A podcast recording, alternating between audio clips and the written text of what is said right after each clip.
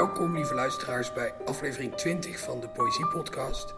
Ik zit hier in Splendor met de man die zo stormachtig binnenkwam in de Nederlandse literatuur. Want zijn debuut Binnenplaats werd meteen genomineerd voor de VSB Poëzieprijs en won de VSB Poëzieprijs. Ik heb het natuurlijk over Joost Baars. Welkom Joost. Dag Daan.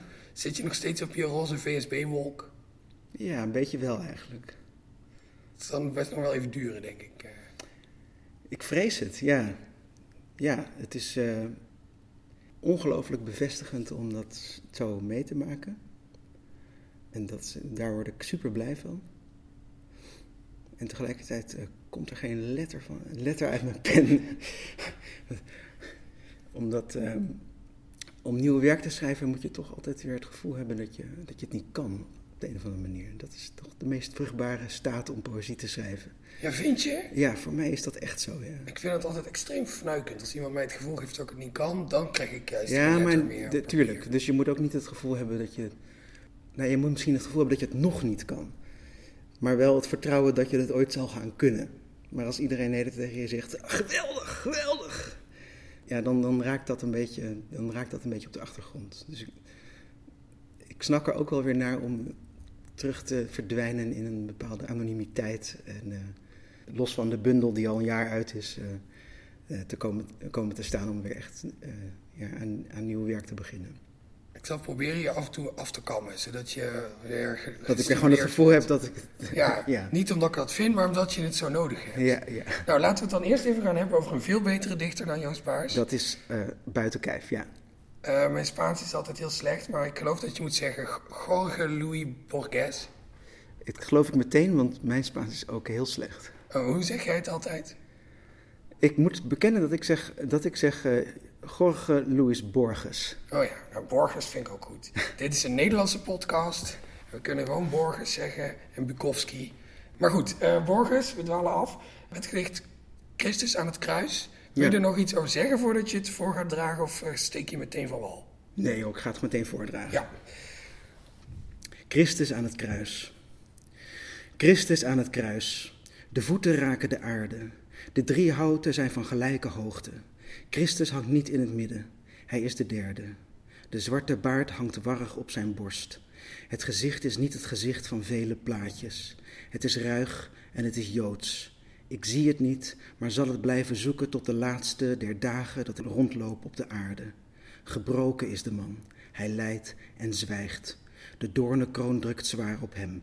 Tot hem dringt niet de spotternij door van het gepeupel dat al zo vaak zijn doodstrijd heeft gezien. De zijne of die van een ander. Het maakt niet uit.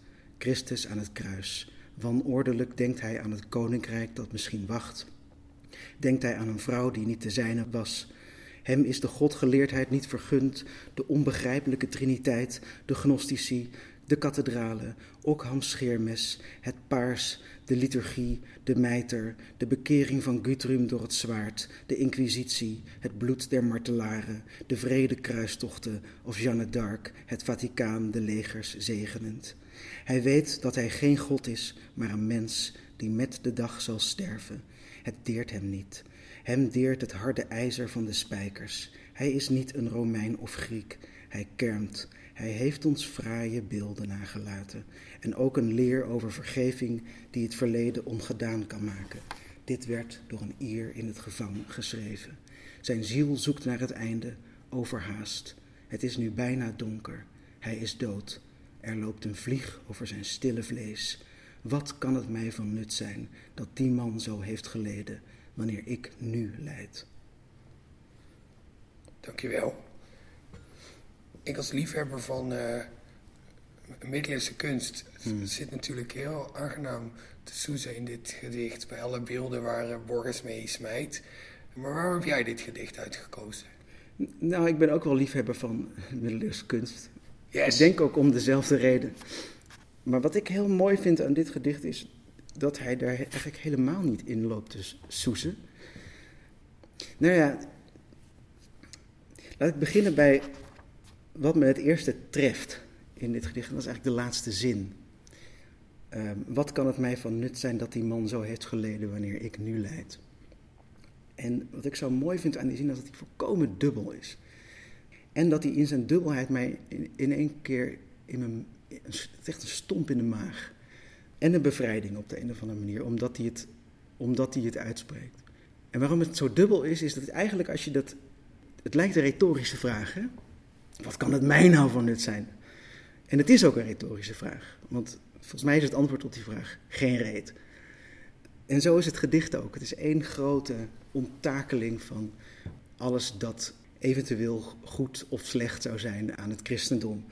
Uh, je hebt een, paar beelden van, uh, van de, inquisitie, bloed der martelaren, uh, al die oorlogen, de, de vredekruistochten. Dat is, dat is daar allemaal mee verbonden. Um, en daarnaast heb je een paar echt van die, van die steekjes.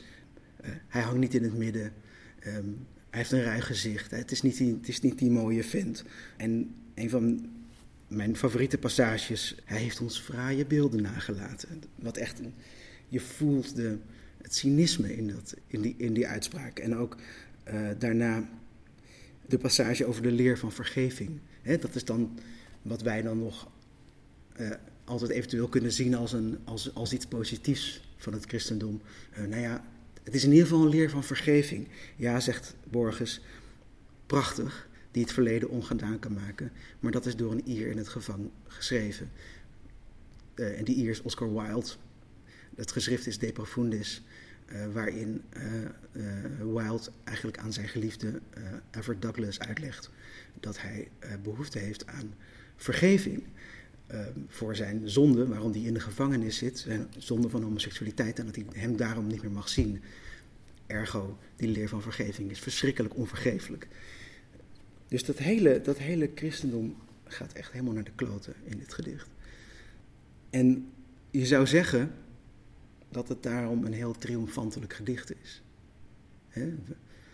Wat hebben we hier aan? Laten we ermee ophouden. Als ik er zo over nadenk, over dat gedicht, dan stelt me dat voor een probleem met de, de beleving die ik bij die laatste regel heb. En dat is namelijk niet eentje van triomf, van ja, wat heb ik er eigenlijk aan? Helemaal niks, laat ik iets anders gaan doen. Maar een van een verschrikkelijke bevrijding en een enorme emotie en een enorme herkenbaarheid. Het is alsof hij na die hele litanie ineens vrij is om te zeggen: Ik leid. En dat ontdaan heeft van al zijn betekenis. Um, en dat is natuurlijk een probleem als je, uh, als je lijdt of als je in een wanhopige situatie zit. Je, je, kent dat zelf vast, je zit in een wanhopige situatie. Uh, dan komen er allerlei mensen naar je toe en zeggen, nou ja, dan moet je, dan moet je misschien dit gaan doen. Of uh, ja, je moet eruit leren. Of, uh, uh, of later lach je erom. Hè? Er zijn allerlei manieren om dat allemaal in te kaderen. Dat zijn ook manieren om je van dat moment van lijden eigenlijk af te brengen. En zo is ook dat hele christendom, dat hele ding dat om die merkwaardige gebeurtenis, als het al een gebeurtenis is, is heen gebouwd. Ook een soort van kadrering van het onbegrijpelijke van die, van die gebeurtenis. En door dat helemaal van zijn betekenis te ontdoen en die retorische vraag te stellen, wordt het ook tegelijkertijd niet een retorische vraag. Want juist door daar helemaal doorheen te gaan, komt hij op de een of andere manier bij een soort van verschrikkelijk pure uitspraak. Ik leid. Dat vind ik mooi aan het gedicht. Het is eigenlijk ook een beetje de klacht van de atheïst natuurlijk, die laatste zin. Oh, ja, ik leid, maar ik, die vent aan dat, aan dat kruis, ja, die, die doet voor mij niks. Maar ik bedoel, ik denk ook wel eens, als ik uh, inderdaad zo behoefte heb aan een soort uh, goddelijke steun. Van, goh, het zou, wel, zou wel handig zijn nu voor mij persoonlijk als ik gelovig was. En dan had ik daar houvast aan. Of dan kon ik daar troost uit putten. Of dan kon inderdaad hè, het lijden van Christus een richting geven aan mijn, aan mijn eigen lijden of zo. Of ik kon mijn eigen lijden relativeren ten opzichte van dat van hè, de zoon van wat dan mijn God is. Maar dat is allemaal helemaal niet, dus ik heb er niks aan. Ja, zo, zo, zo kan je er tegenaan kijken. Wat ik oneindig fijn vind aan dit gedicht is. Kijk, als je dat doet, hè, je, je zit in een situatie van lijden en je, je denkt: had ik maar een God uh, waar ik dat aan kan relateren, wat je, dan, wat je dan doet, of het hoeft niet eens om een God te gaan, het kan ook gaan om. Uh, had ik maar een soort van ultieme betekenis, bijvoorbeeld uh, dit betekent wat, ik, moet er, ik moet hiervan leren, dan je plaatst eigenlijk een soort van betekenis boven, boven jezelf, boven dat lijden. Je geeft er een soort van dak aan en dan is het gekaderd en dan is het, dan is het goed. En je kunt dit gedicht zien als een soort van totaal wegnemen van dat hele dak van religie. En dat is het ook. Maar je kunt, wat je ook kunt doen, het, heet, gedicht heet niet voor niks Christus aan het kruis. Wat betekent dat? Wat is Christus? Christus is de vlees geworden God. Wat gebeurt er in dat verhaal? En wat is, wat is God? Uh, ik weet niet of die bestaat, maar wat is God? Dat is een soort van ultieme betekenis. Uh, wat gebeurt er in dat verhaal waarin die ultieme betekenis vlees wordt en volledig beschimpt en vermoord wordt, gemarteld, uh, kruisdood sterft. Zelf zegt, mijn God, waarom heeft u mij verlaten? Dat is ook een soort van, in zichzelf, een soort van totale onttakeling van, van het begrip God. Dus een onttakeling van uh, dat idee dat er een soort van dak is op onze ervaring. Of een dak kan zijn op onze ervaring van lijden. En zegt het christendom, dat is de bevrijding. Het idee dat geloof een soort van troost is. Uh, je kunt daar ook wat genuanceerder over denken. Je kunt dit gedicht ook lezen als een opnieuw aan het kruis nagelen van Christus door Borges. En in die zin is het tegelijkertijd een onttakeling van het christendom en een totale vervulling ervan. Je komt, er, je, je komt daar dus ook niet uit. Je kunt het gedicht eigenlijk niet, als je het echt leest, je kunt er niet uitkomen als uh, gelovige en ook niet als ongelovige. Waarmee die het eigenlijk heel dicht bij de werkelijkheid zet. Want die is ook zo. Als je ervoor kiest om te geloven, dan levert dat problemen op. Maar als je ervoor kiest om niet te geloven, levert dat ook problemen op. Ja, en voor mij is die, die werkelijkheid ook. Dus als er, op het moment dat er iets heel ergs gebeurt in je leven, dan ga je in dat moment met allerlei ideeën over de werkelijkheid. Um, maar echt in dat ultieme moment heb je daar echt helemaal, helemaal niks aan. Nee. Het, het, enige wat er in dat moment van waarde is, dus is datgene wat er blijkt aan de hand te zijn. En hoe je daar in het moment mee, uh, wat je daarmee doet, of wat je, hoe je reageert, of hoe je het tot je neemt. Wat dat, maar misschien wat heel aardig is, is dat er in dit, in dit, uh, in dit gedicht een uh, soort van hint zit over hoe je het moet lezen. Dat is namelijk Ockham Scheermes. Ockham was een uh, Franciscaner monnik. die een soort van idee heeft geformuleerd dat in de wetenschap nog steeds heel belangrijk is. Namelijk dat als je voor een probleem staat, je hebt de keuze voor verschillende hypotheses om dat probleem op te lossen. En je weet niet welke je moet kiezen, dan moet je de hypothese kiezen waar je de minste aannames voor nodig hebt die je niet kunt bewijzen. Dat zegt volgens mij iets over de vraag of dit een geloof of een ongelovig gedicht is. Je moet dit gedicht volgens mij lezen zonder de, zonder de aanname of God wel of niet bestaat. Of dat Jezus wel of niet die kruisdood werkelijk heeft gestorven. Dat weet je niet. Het doet er op een gegeven moment ook niet helemaal toe. Op dezelfde manier, het geldt eigenlijk ook voor wat je, hoe je dit gedicht leest, geldt eigenlijk ook voor alle gedichten. Je gaat een gedicht lezen, maakt niet uit welk gedicht, en daarna kun je eigenlijk altijd diezelfde vraag stellen. Wat heb ik eraan? Wat is het voor mij van nut dat deze man of deze vrouw die dit gedicht heeft geschreven zo heeft geleden, terwijl ik nu leid? En dat, dat haakt aan discussies over wat het nut is van poëzie en of je geëngageerd moet zijn of niet. En en ergens in de totale uh, ineenstorting van al die betekenissen die we aan poëzie toekennen, zit de werkelijke bevrijding. Of zo. Zit, zit de werkelijke mogelijkheid om echt in een gedicht te gaan en met jouw lijden in totale zinloosheid dat gedicht eigenlijk te, te, te completeren. Want dat is ook wat er gebeurt. Als hij zegt, wanneer ik nu lijd, dan denk ik ook aan mezelf. Dan heb ik ineens een, pla een plaats daarin. En dat kan alleen maar door dat hele verhaal door te gaan. Of het nou gebeurd is of niet. Zou je alle leidende luisteraars van deze podcast nog een keer een hand toe willen steken door dit gedicht nog een keer voor te lezen? Ja. Christus aan het kruis. Christus aan het kruis. De voeten raken de aarde. De drie houten zijn van gelijke hoogte. Christus hangt niet in het midden. Hij is de derde. De zwarte baard hangt warrig op zijn borst. Het gezicht is niet het gezicht van vele plaatjes. Het is ruig en het is joods. Ik zie het niet, maar zal het blijven zoeken tot de laatste der dagen dat ik rondloop op de aarde. Gebroken is de man, hij lijdt en zwijgt. De doornenkroon drukt zwaar op hem. Tot hem dringt niet de spotternij door van het gepeupel dat al zo vaak zijn doodstrijd heeft gezien. De zijne of die van een ander. Het maakt niet uit. Christus aan het kruis. Wanordelijk denkt hij aan het koninkrijk dat misschien wacht. Denkt hij aan een vrouw die niet de zijne was. Hem is de godgeleerdheid niet vergund, de onbegrijpelijke triniteit, de gnostici, de kathedralen, Ockham Scheermes, het paars, de liturgie, de mijter, de bekering van Guthrum door het zwaard, de inquisitie, het bloed der martelaren, de vrede kruistochten of Jeanne d'Arc, het Vaticaan, de legers zegenend. Hij weet dat hij geen God is, maar een mens die met de dag zal sterven. Het deert hem niet. Hem deert het harde ijzer van de spijkers. Hij is niet een Romein of Griek. Hij kermt. Hij heeft ons fraaie beelden nagelaten en ook een leer over vergeving die het verleden ongedaan kan maken. Dit werd door een ier in het gevang geschreven. Zijn ziel zoekt naar het einde, overhaast. Het is nu bijna donker. Hij is dood. Er loopt een vlieg over zijn stille vlees. Wat kan het mij van nut zijn dat die man zo heeft geleden, wanneer ik nu lijd? Het is trouwens ook nog wel goed om te zeggen dat de vertaling van uh, Barbara van der Pol en Maarten Steenmeijer echt fantastisch is.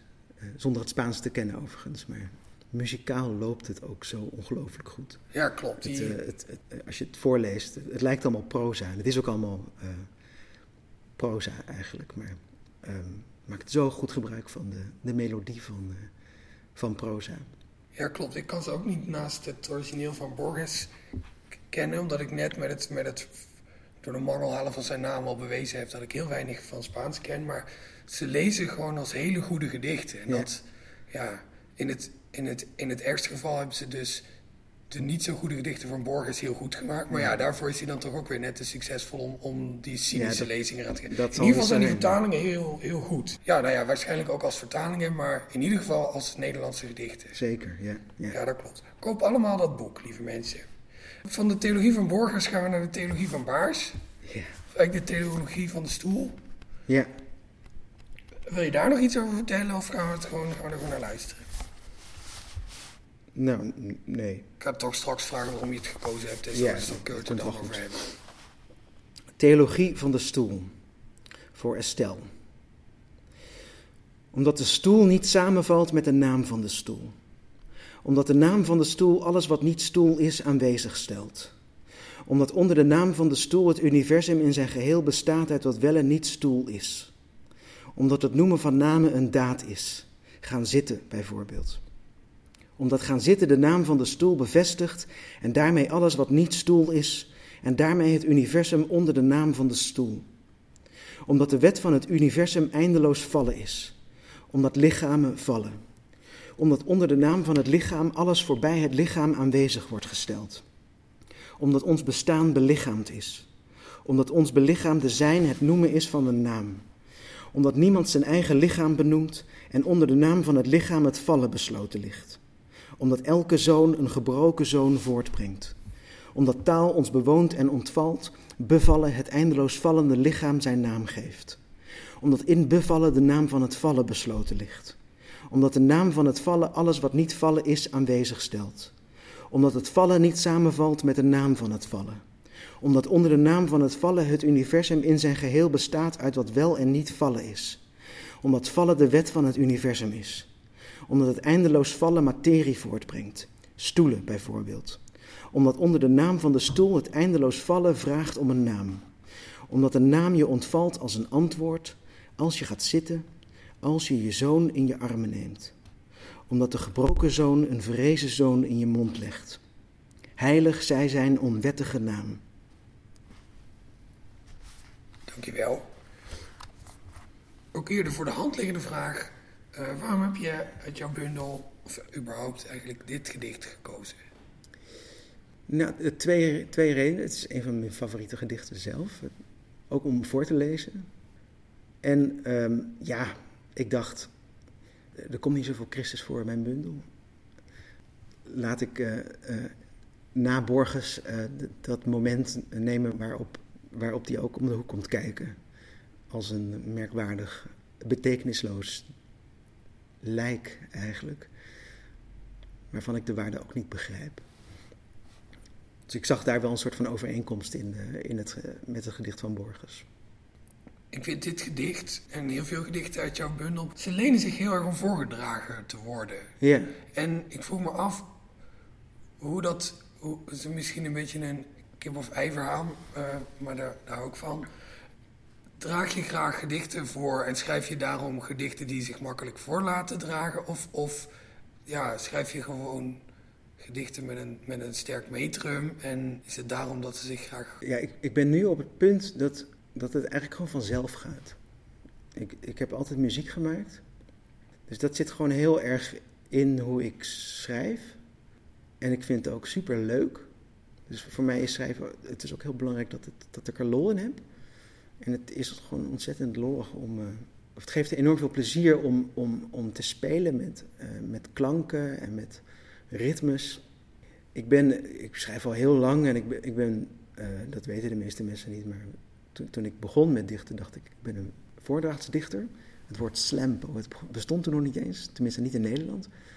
Maar ja, dat, dat werk was allemaal best wel slecht. En toen ben ik helemaal de andere kant op gegaan. Echt heel erg op papier gaan schrijven. En mijn eigen neiging tot muziek maken heel erg gewantrouwd. En daarna heb ik dat wantrouwen weer losgelaten. En ja, nu heb ik een beetje van, van allebei, zeg maar, draag ik in me. En ik, het, gaat, het gaat echt vanzelf.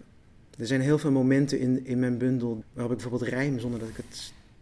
Waar achteraf mensen mij moesten wijzen op, hé, hey, je rijmt daar. Ik dacht, oh ja, je hebt gelijk, ik heb daar gerijmd. Terwijl ik dat helemaal niet door had zelf. Dus dat, ja, het gaat gewoon vanzelf eigenlijk. Voornamelijk vanwege plezier, ja. Ja, het is grappig dat je inderdaad de term slamdichter uh, noemt. Want in Heerlen hebben wij samen opgetreden, of jij trad op. En ik presenteerde een middag met alle genomineerden voor de VSB Poëzieprijs. En bij jouw voordracht daar viel mij dat ook weer op. Dat je inderdaad gewoon ook qua voordrachtstijl naadloos op een poetry slam terecht zou kunnen. Ja, het slam is natuurlijk niet per se voorbehouden aan een bepaald soort voordracht. Maar, nee, zeker niet. Maar hè, binnen, die, binnen die toch een soort algemene tendens van wat de meeste slamdichters doen, daar past hij heel, heel, goed in. Maar tegelijkertijd, als je dan door jouw bundel bladert en jij bent, je bent er niet aanwezig om, om eruit voor te dragen, dan op de een of andere manier.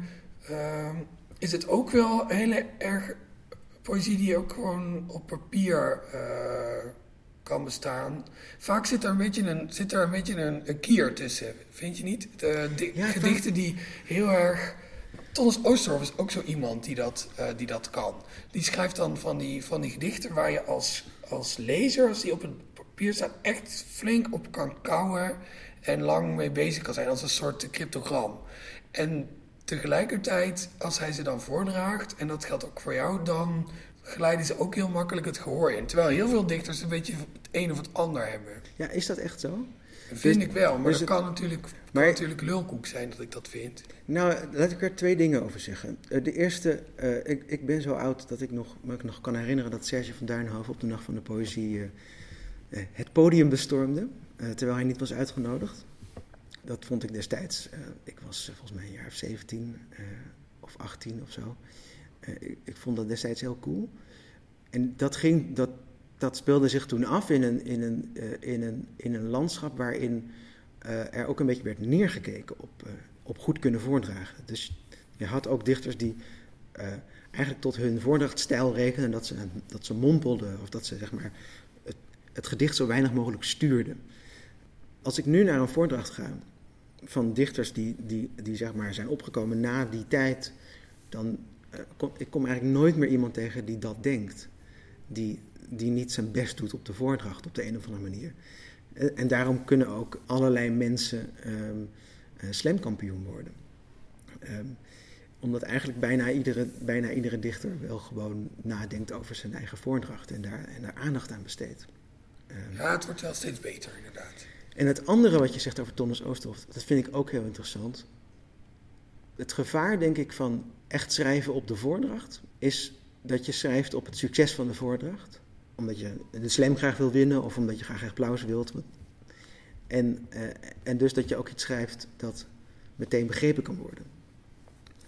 En wat ik zo sterk vind aan het werk van Tonnes, en ook aan het gedicht van Borges trouwens, is dat je, je leest zijn werk of je hoort zijn werk en je snapt het niet, maar er is ook tegelijkertijd iets dat je meteen begrijpt.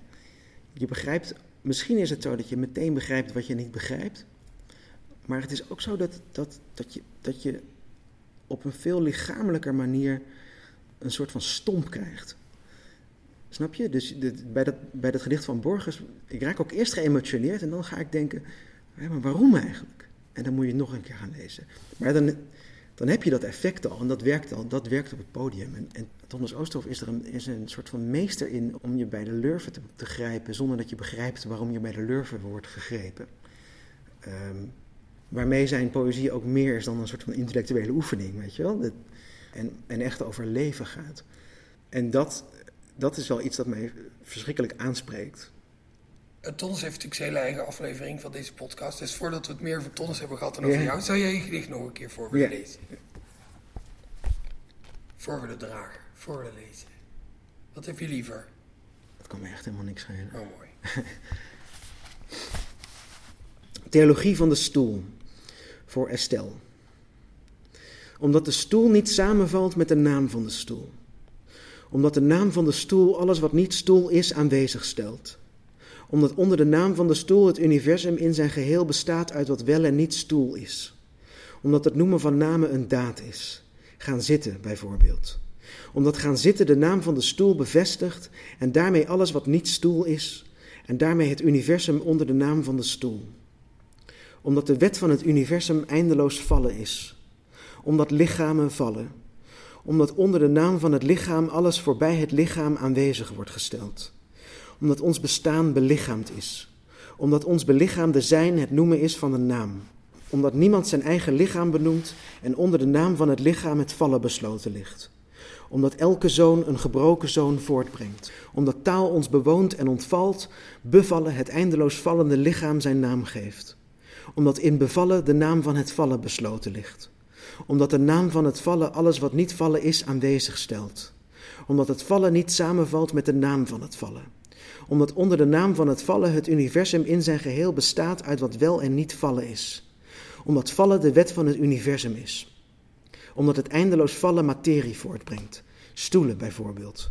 Omdat onder de naam van de stoel het eindeloos vallen vraagt om een naam.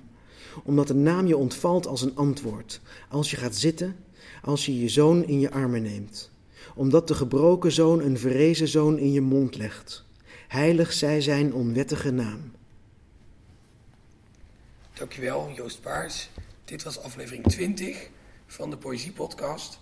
Als u nou denkt, het ging allemaal wel erg snel met die gedichten, kan ik dat niet nog ergens teruglezen? Nou, dat kan. Op de site van Vrij Nederland staat een artikel bij deze uh, aflevering met nog wat meer informatie over Joost en uh, uh, over Borges en ook de gedichten. Ga daarvoor naar www.vn.nl slash thema slash poëziepodcast of als u deze aflevering luistert in een van de vele podcast-apps die er zijn, dan staat er, als het goed is, ook een link in de beschrijving. Als die er nog niet staat, dan voeg ik hem morgen of overmorgen toe. Als u dan toch in die podcast-app aan het rommelen bent op zoek naar die link en het is toevallig iTunes, eh, zou je dan ook een uh, beoordeling achter willen laten? Het schijnt heel belangrijk te zijn dat ik dat aan de mensen vraag, dus dat doe ik dan maar gewoon braaf. Een goede beoordeling dan wel.